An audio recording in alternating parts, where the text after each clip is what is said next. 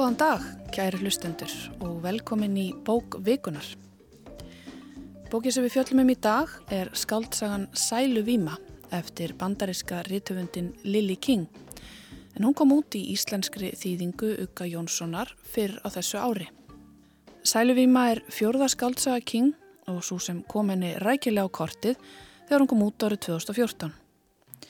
Bókin sló í gegn í bandaríkjónum og hlaut King Kirkus skaldskapavellunin, bókmyndavelun Nýja Englands og bandarísku gaggrínendavellunin, auk þess sem Sæluvíma var valin ein af tíu bestu bókum ársins af New York Times Book Review, tímaritinu Time og Amazon það árið.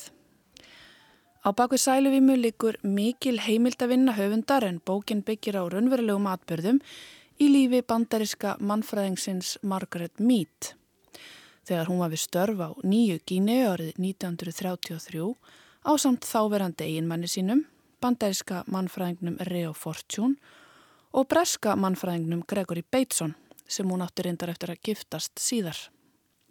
Það er kannski rétt að byrja því að kynna aðeins fræðikonuna Margaret Mead fyrir hlustendum þar sem að hún er innblástur bókarinnar. En Mead er eitt af stóru nöfnunum í mannfræðinni og þau stundu verið kölluð móðir fræðigreinarinnar. Tímaritið Time útnemdi hana til að mynda Móður heimsins árið 1969. Mít var frumkvöðl í rannsóknum á barnæsku, uppeldis aðferðum, kynhlutverkum og áhrifum þeirra á samfélög og menningu og margir telli að hugmyndir hennar um kyngerfi og kynhlutverk hafi átt stóran þátt í kynlífsbyltingu sjötta áratugurins í bandaríkjónum.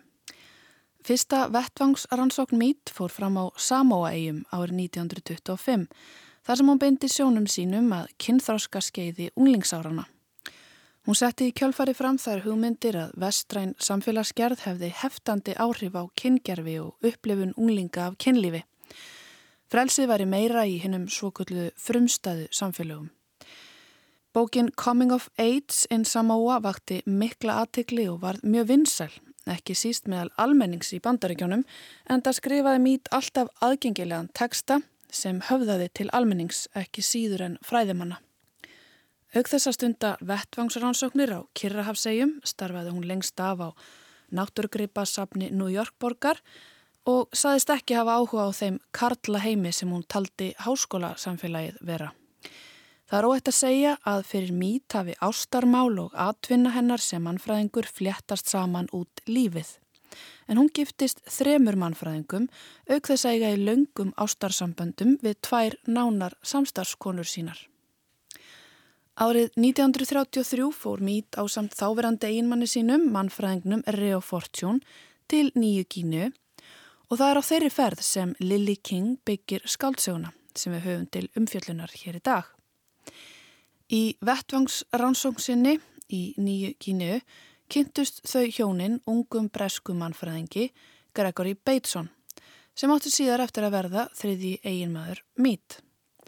Mannfræðingarnir þrýr eittu nokkrum tíma saman á bökkum Sepig árinar sem er einmitt sögusvið bókarinnar. Samstarf og náinn kynni þessara þryggja ungu mannfræðinga á bökkum hitabeltisár langt frá skarkala vestusins er innblástur sæluvimu sem fjallar um tvo unga og ástriðufulla mannfræðinga á leið í vettfangsrannsók hjónin Nell Stone og Fenn sem hitta fyrir tilviljun þriðja mannfræðingin Andrew Bankson í jólabóði í nýju kínu. Lily King flettar saman sögu þessarar þryggja einstaklinga svo úr verður ástarsaga ungra og metnaða fullra fræðimanna sem gera sér vonur um að skilja sinn eigin heim betur með því að fylgjast með fjarlægum samfélagsgerðum.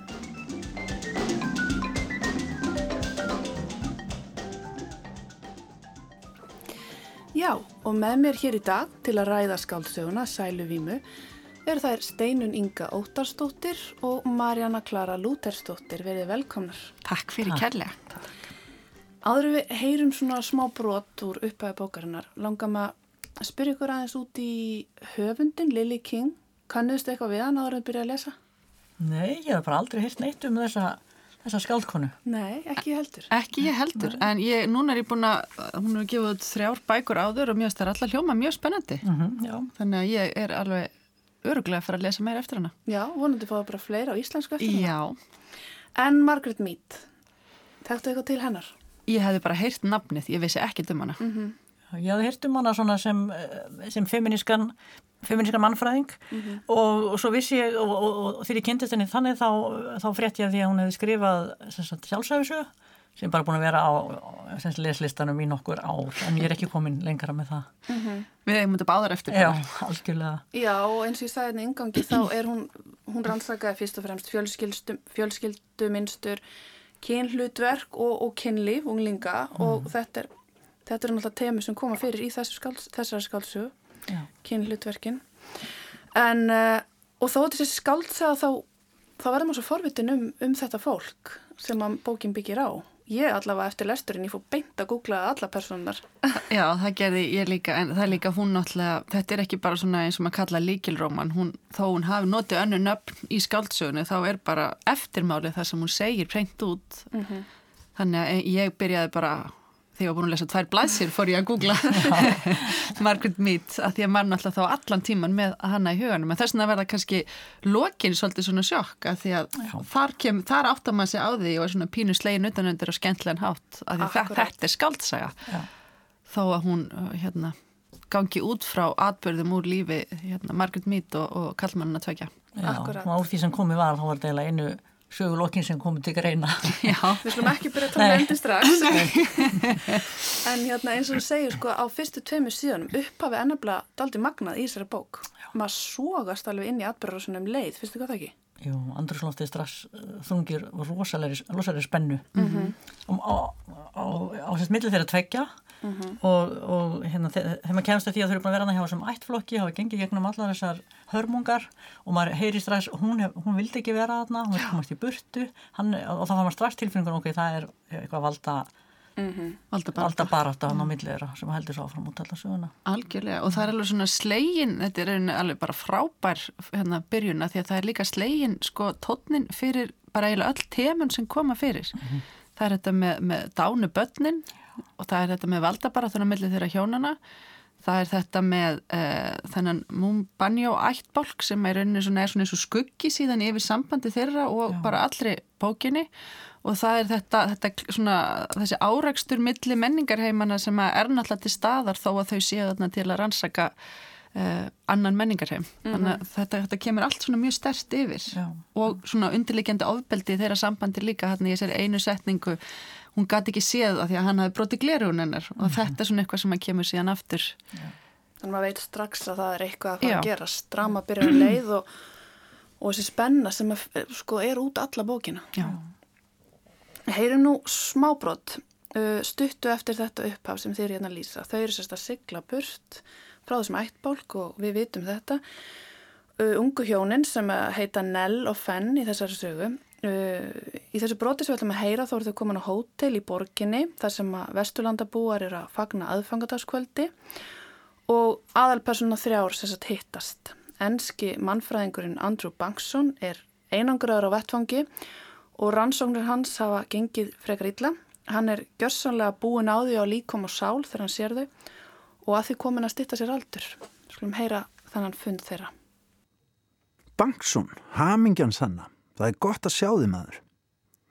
Ég mynd eftir Sjúlar Fenvik sem ergilega deilugjörnu og upptrektur hrakmenni sem var ekki mikið um mig gefið. En þegar ég rétt honum höndina, ítt hann henni til hlýðar og faðmaði mig að sér. Ég tók sömu leiðisutunum hann og þetta sjónarspil vakti ósvikin hlátur drukkina eftirlitsmannana sem hann stóðu þarna hjá. Mér var svo mikið um þetta að mig sveið í hálsin og mér gafst ekki tíminn til að jafna mig áður en að hann kynnti mig fyrir eiginkonu sinni. Þetta er Bankson, saðan, eins og þau töluð ekki um annaði mig, dag og nótt. Nell Stone, kynnt hún sig. Nell Stone? Hafði Fenn kvænst Nell Stone? Hann var bræðarefur, en í þessu virtist hann vera einlegur. Aldrei hafði neitt minnst á það þótt margt væri sagt um Nell Stone að hún væri svona fíngerð eða veikluleg. Hún rétti mér höndina og þvert yfir lóan lá lít gróið svöðusár.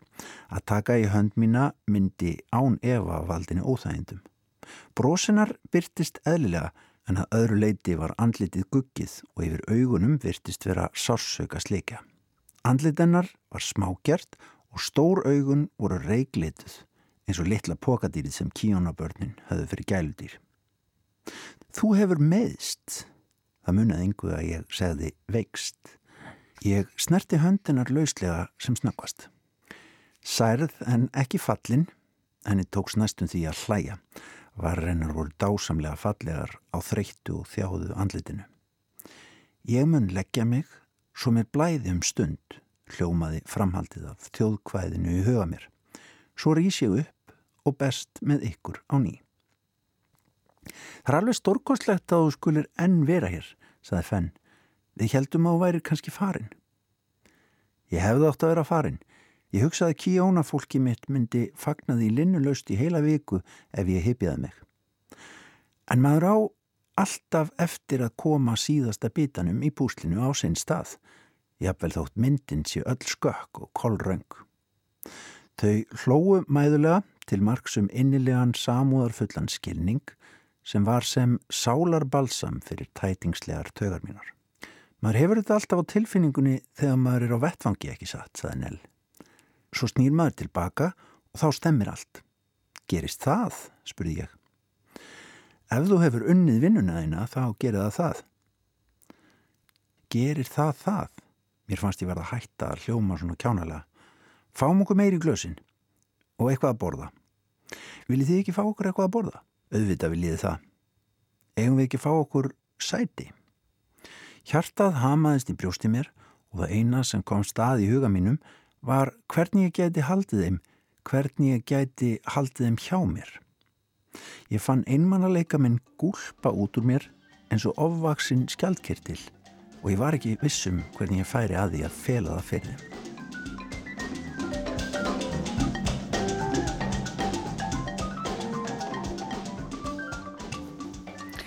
Já, þarna herði við sér sagt fann hluta sögunar þegar aðalpersonar þrjár hittast, Nell, Fenn og Bangsson. Og er, þau eru öll aldrei svona yfirspennt, veistu hvað það ekki?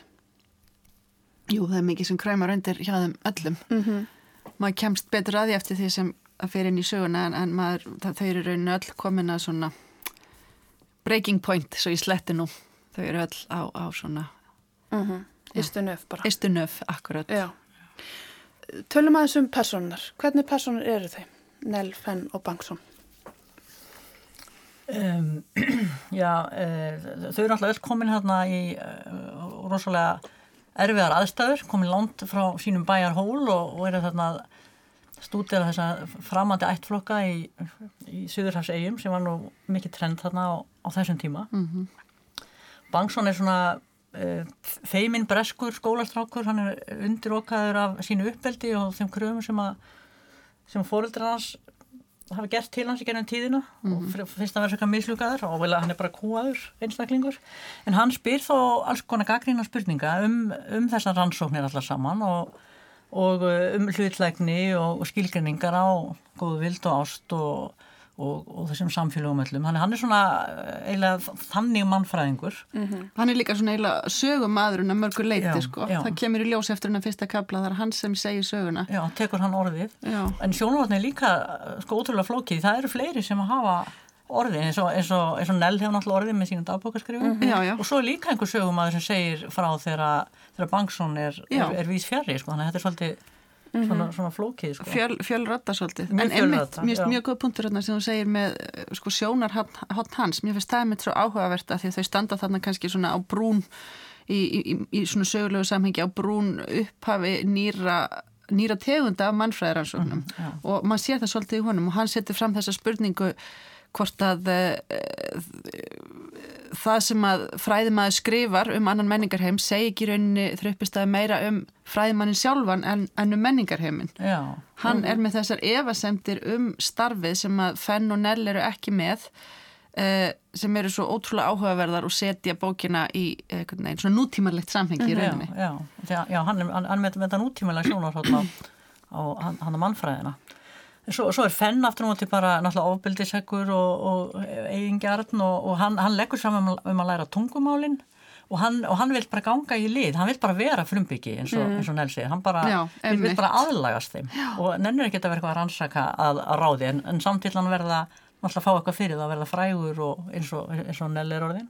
Og hrýfst svona mest á þessari stríðsmenningu og þessum Já. kalla kultúr. Já, þess vegna vil hann vera áfram hjá þessum ættbólki sem þau eru að flýja frá, þessum ofbáslega, ofbeldisfulla sem stundar mannátt eða stundar allavega og, og, og eins og hún segir, hann, hann skrifar ekki niður neina punta, hann, hann tekur engar aðtöðasendur, hann vinnur ekki úr neinu, hann, hann vill bara verða einn af þeim, en samt með sína yfirbyrði þó. Já, alltaf, já, já, já.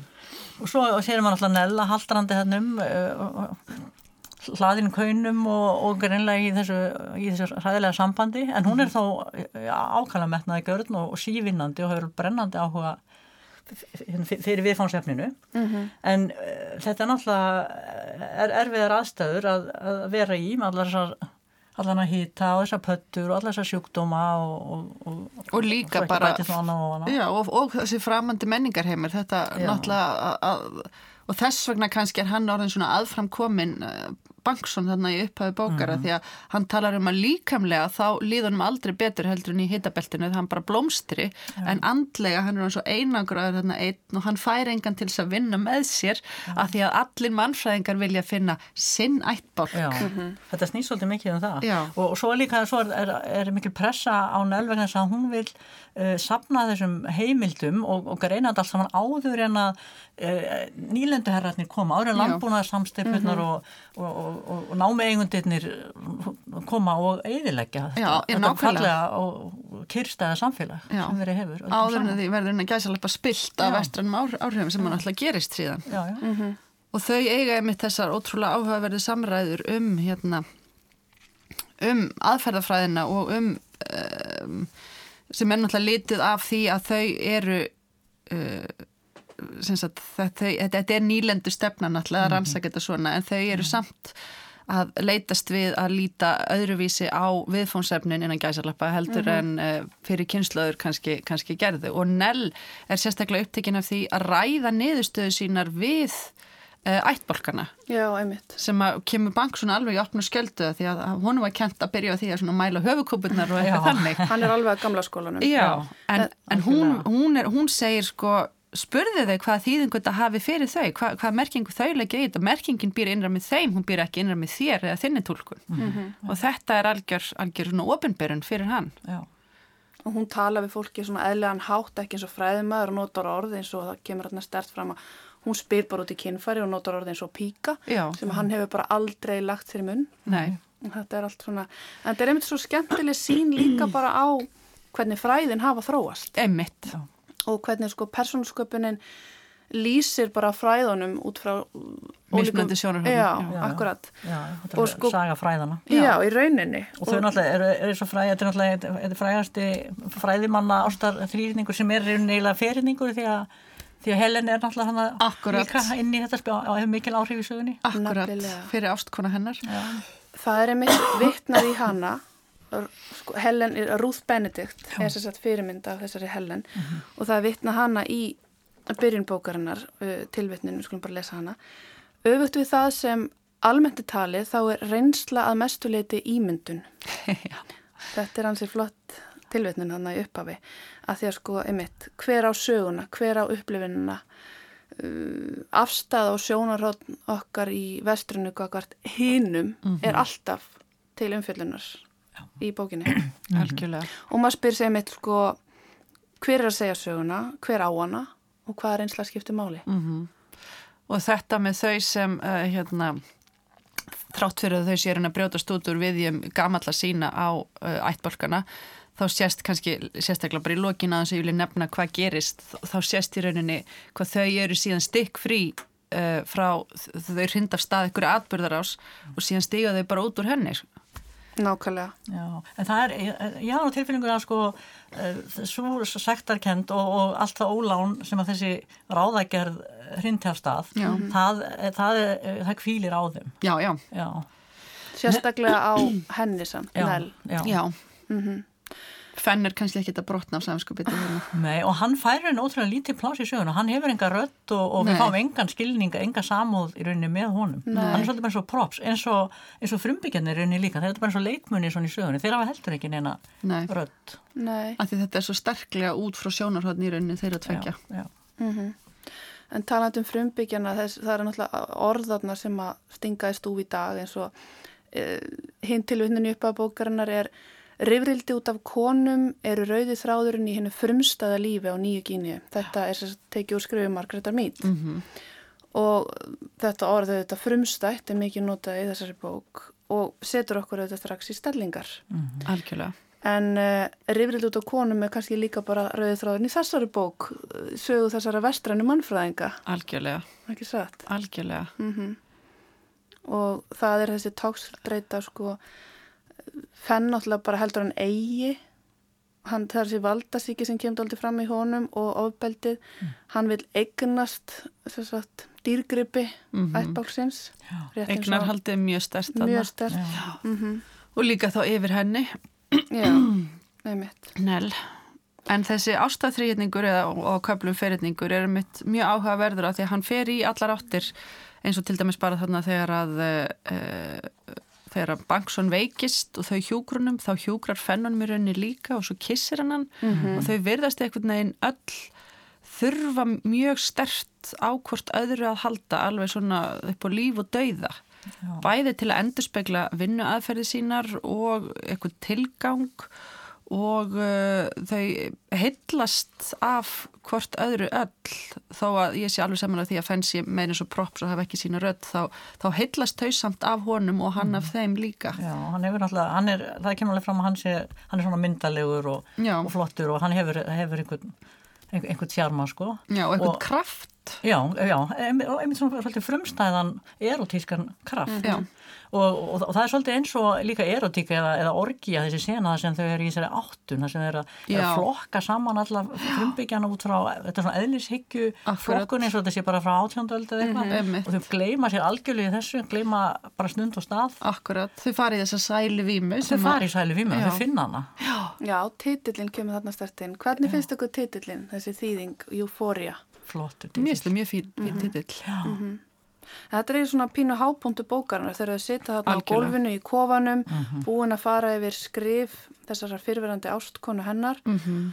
og, og svona reyna að hólfa heiminn niður og allt henni finnst þeim eins og þau skilji heiminn. Já, Já. það er það sem að sæluvíman Já. er að finnast maður geta flokka niður heiminn og skili þeim og að maður sé sjálfur búin að sko, finna líkilinn aðeins öllu saman Akkurat. þetta er eitthvað svona það er eitthvað vald í þessari, þessari sæluvímu sko. Þetta snýst allt um allt. vald og, og skilning og kunnáttu og þekkingu og yfirbyrði Já, komast burt frá káosinu. Já, Já.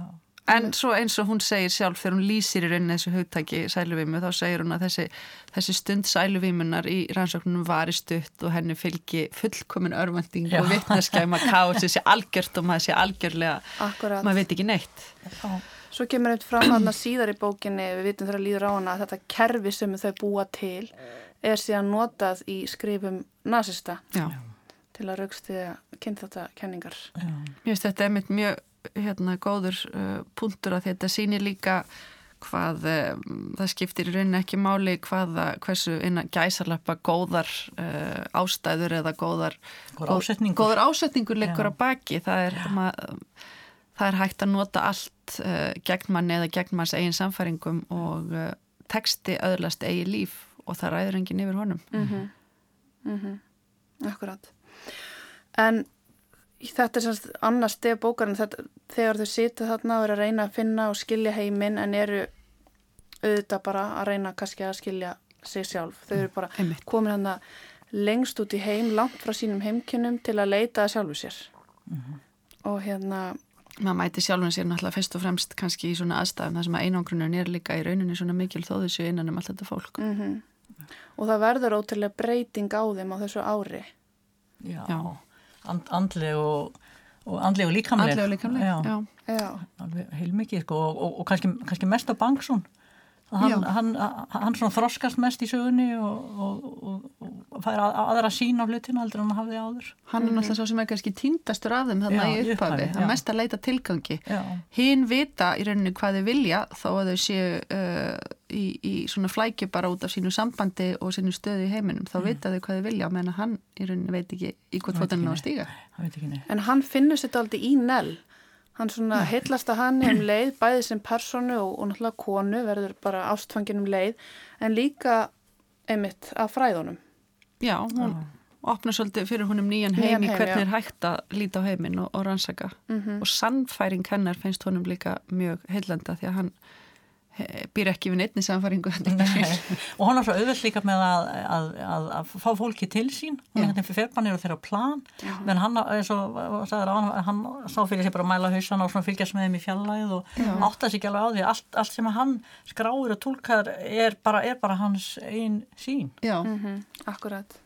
Og hann, hann tengist ekki fólkinu Nei. sem að hún gerir og þess vegna kannski líka er hann svona einangraður af því að hann er ekki að leifa sér að tengjast fólkinu og neitt hátt öðruvísi heldur en að bara skrá niður einmitt hvað, hversu stór hauskúpan er Já, já. sem er náttúrulega kannski ekki með fulltægindi mannleg samskipti Nei, hann er, er bara þessi þessi, þessi hvíti, hvíti valdhafi sem er mættur hann til þess að bara uh, útskýra fyrir einhverjum uh, sem veit ennþá minn en hann Já. hvernig hlutinni virka. Nákvæmlega. En þetta er svona aðferðafræði sem að við gefum vægi í dag en auðvitað sem var ekki mikil smetin þá. Nei. og Margaret Mead fekk einmitt á sig mikla gaggrinni í setni tíð fyrir akkurat þetta, að setja sig í spór annara og setja sig á sem sagt, sama, vera jafningi þeirra sem hún var rannsaka og hennar rannsóknar aðferði voru einmitt kallaðar kvenlægar. Akkurat. Og hérna hún var gaggrind fyrir einmitt að taka viðfangsefni sem voru ofkvenleg og hérna bara vera að hugsa um fjölskyldu og barnauppeldi og kynlif eitthvað sem að væri kannski ekki alveg nú virðingavert í fræðanum og við þarfum sem við að við sjáum bara í öðrum fræðum langt fram á síðustu öld og ef ekki fram á þessa sko. Já, þannig að þetta sjáum við svona speglast í nell á mjög flottan hátt algjörlega Mhm. Hún hefur áhuga á öllu þessu sko fjölskyldu struktúrnum uh, hvernig hvernig uh, kunnátt að berst millir kynnslóða, hvernig uh, og hún nefnir einmitt sérstaklega þessi áhugavert að þó þessi kannski breytilegt eftir samfélögum, hvaða hlutverkum og verkum karlmenn sinni og konu sinni þá verðist að vera gegnum gangandi að þau verk sem að karlmenn taka af sér að sér eru alltaf miklu virðingaverðari heldur en hinn Já, Já það er líka- áhugavert að það sem hún var að stúdera sem bara saman við dauðan, ég, ég minna að það verið hún sem var að tala um það,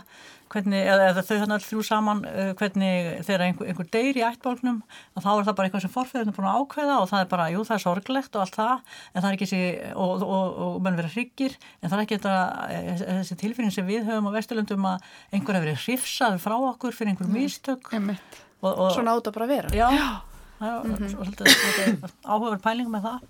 Já, kann það að læra Já, af Já. fólki sem er svo augljóslega ekki í þeirra fari. Og hún byrjar strax á því alltaf að setjast niður og hún byrjar á því að kynast börnunum og, og öðlast tröst þeirra og, og svo kvennana og hún fær þar til sín alltaf í hverju viku og þau setja bara og hún setur á gólfinu og skrifa niður og, og spjallar við þær og, og, og Bankson hefur bara aldrei síðan neitt þessu líkt.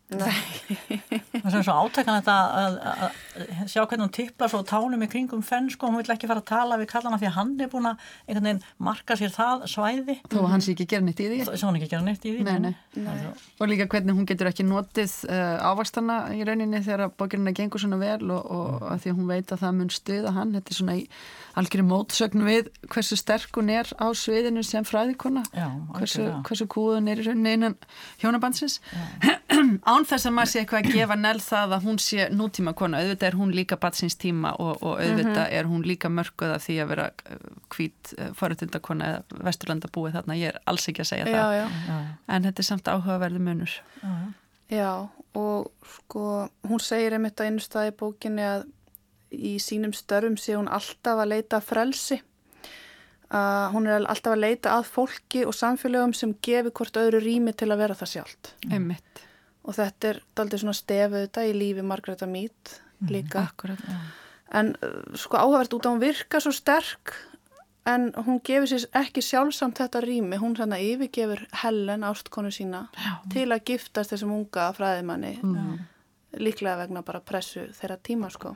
Já, svo líka, það, það, er svo mikil missir líka sem setur marg sitt á hana og bæði með alltaf mistur hana litlu sýstu sína Já.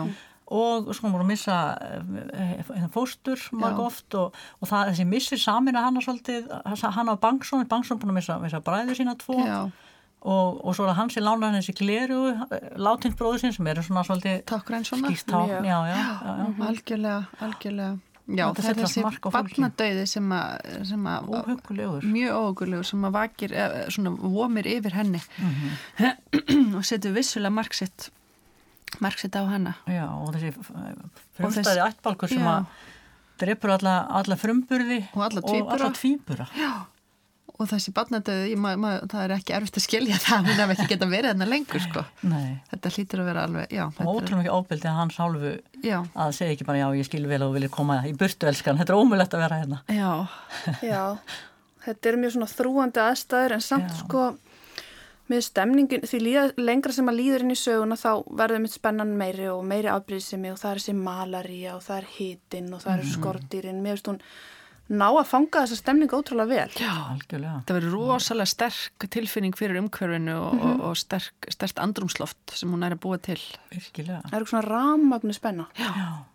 Og bara, bara hitti og maður bara finnur pötturnar að skrýða á sér. Já, og maður Maður veit, maður veit alltaf að það, það er yfirvofandi ykkur, ykkur harmleikur Já, einhver hrikalega ógæfa framöndan. Er alveg. og þetta ítir allt undir það þannig að sumuleiti þá skrifast þetta og lest eins og, eins og spennusaga þó að þetta sé uh, ekki, ekki auglýst sem slíkt Já. en, en það, hún er mjög spennandi Hún er ótrúlega marg laga þessi saga. Já. Það er spenna, það er þessi ástæðurýðningur og svo þessi pælinga með fræðin. Þú er alveg, já, koma óvart. Já, ég, eins og ég segi það, við, við erum báðar bara að fara Við við erum, í- við erum í sæli vími. Já, við erum í sælvímu En hún enda samt ekki vel og já, við viljum ekki samt gefa uppi. Nei, við segjum ekki Nei, orð við segjum ekki orð. En uh, hvað finnst ykkur um, um örlög Nell? Svona, finnst ykkur hún fórna sér sem kona? Finnst ykkur hún, veit hún í hvað hún stefnir? Um, hún, sem sagt, Já. þau eru augljóslega ástfangin, hún og Bangsson. Já, Mhm. En hún ákveður að fara með þessum ofbeldisfulla manni sínum. já. Hún veit að það býðin ekki góð örlög. Mhm. Það er svolítið erfitt að átta sig á því hvað, af hverju hún gerir þetta. Þess að, eh, það, það var, er ekkert sem bindur þau saman Nei. í rauninni. En þessi, eh, þessi það- verndargripur kannski spilar eitthvað inn í það. Já, Er hún ekki dálítið að fórna sér fyrir ættbálkin? Já, það er eins og hún sé það með... er smá, er svona, ykkur kemur á þessi ykkur yfirbót þarna í gangi og, og eh, ykkur svona, jafnvel, ykkur forlega trúa, henni finnist hún verða að fara þessa leið þó að hún vilji fara aðra leið. Já, það er, Mér finnst þetta aldrei svona hún að setja sig í annarsæti að meðan að þeir bara fylgja sínum plönum, sko. Mm. Aldrei svona konan að fórna sér fannst mér já. Fyrir hag fólksinn sem hún skildi eftir. Já, ég veit Já. ekki, svo er þetta líka bara struktúr bókarinnar eitthvað. Já, þetta virkar mjög vel. Já, það. En, en svo líka sko, eh, rosalega mikið af þessu, þessari ástarsögu Mhm. gerist í haustum á Bangsson. Hann er að upplifa hvernig hún snertir eitthvað blað eða hvernig hún snýsir eða klóra sér eitthvað. Þá er allt einhver ástaryflýsingar Mhm. Já. til hans, finnst honum sko. Já. Það maður, eh, og, og þegar þau svo loksins elskast þá, þá segist hann kasta sér yfir hana. Einmitt. Þannig maður veit ekki alveg, maður átti ekki alveg að því hérna hvað Hvert hennar sjónarhóttni? Hvernig, er- já, svona, jú, hún segir það að hún elski hann og allt þetta, en einhvern veginn, hún, hún, er, hún er ekki eins heldtekinn, finnst mér, eins og hann. Nei, algjörlega, algjörlega. Að hún er kannski þurft eitthvað, já, þetta var eitthvað bara sem varð að vera svona. Já. Það er einmitt samt líka svo flott í þessar sögu. Maður er, þú veist, hún er svo margrata. Já, Það er engin innfaldur sannleikur sem að maður veit að veist, þetta er allt saman misbrandi sjónarhóttn og eins og, eins og bara kemur hreinlega fram eins og þau ræða í textanum þá er hver frásaga segir alltaf meira um sögumannin heldur en um atbyrðarásina. Þannig að það spilar þá líka inn í hvernig maður skilur Já. í rauninni bókina. þetta fléttast allt saman. Já, Akkurat. Eða að ræða aðstötu lokin þýðinguna, hvað fannst ykkur um hana? Ég hef alltaf verið mjög hrifin af, af þýðingum ugga, mér finnst kannski ekki alveg hann sé, eh, sé í sínu gamla góða stuði hérna í þessar, þessari bók, textin svolítið svona forn og, og alltaf sagan gerist alltaf fyrir löngu, löngu síðan og, og ég nautum hérna, e, það er einhverju svona dýr sem að líka maður þekkir ekki, einhverju gjóðar og vákar eða hvað það var eitthvað svona, en, en oftast yfirleitt er þetta bara mjög fínt og, mm -hmm. og afskaplega fallegu texti. Já, ég er samanlega því, mér finnst þetta mjög fallið þýðing en einmitt á köplum svolítið forn og ég var svona velta fyrir mér hvort að það svo að um, sögu tíman mm -hmm, þá myndi þetta eh, ganga upp Já, ég hugsa það sko mm -hmm. Við erum allavega sammálum það alla þrjára, þetta er virkilega góð bók Já. og óætt að mæla með henni Heiklust. Ég bara er hérna ána með angustúra að hafa þýttana og, og komið henn út og ég bara, mér finnst bara tilvalið að þeir vindi sér í útgáfu á fleiri bókum Lili King mm -hmm. Algjörlega, og er ekki bíómynd? Og næsta, næstu góðsum, þetta er ekta efni bíómynd Algjörlega Geta ekki beðið eftir myndinni. Hver á að leika Nell? Marjóna Klara Lútersdóttir, þú verið Nell. Augljóst val. Já.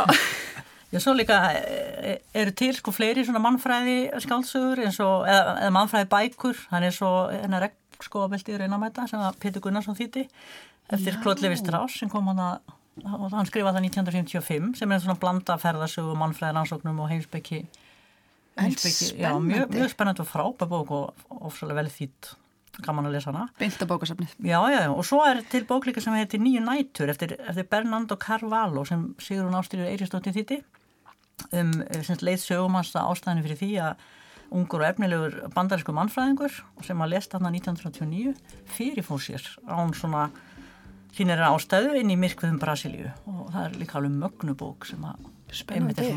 Þetta er svona mannfræði drömu mm -hmm. áhugaverð. Þetta er frábært að því nú er maður komið bræðið, maður er komið blóð på tannin. Herru, takk kærlega fyrir að vera einna hérna með okkur í dag. Steinin Inga Óttersdóttir og Marjana Klara Lútersdóttir, takk fyrir komuna. Takk sem við leiðis. Takk sem við leiðis.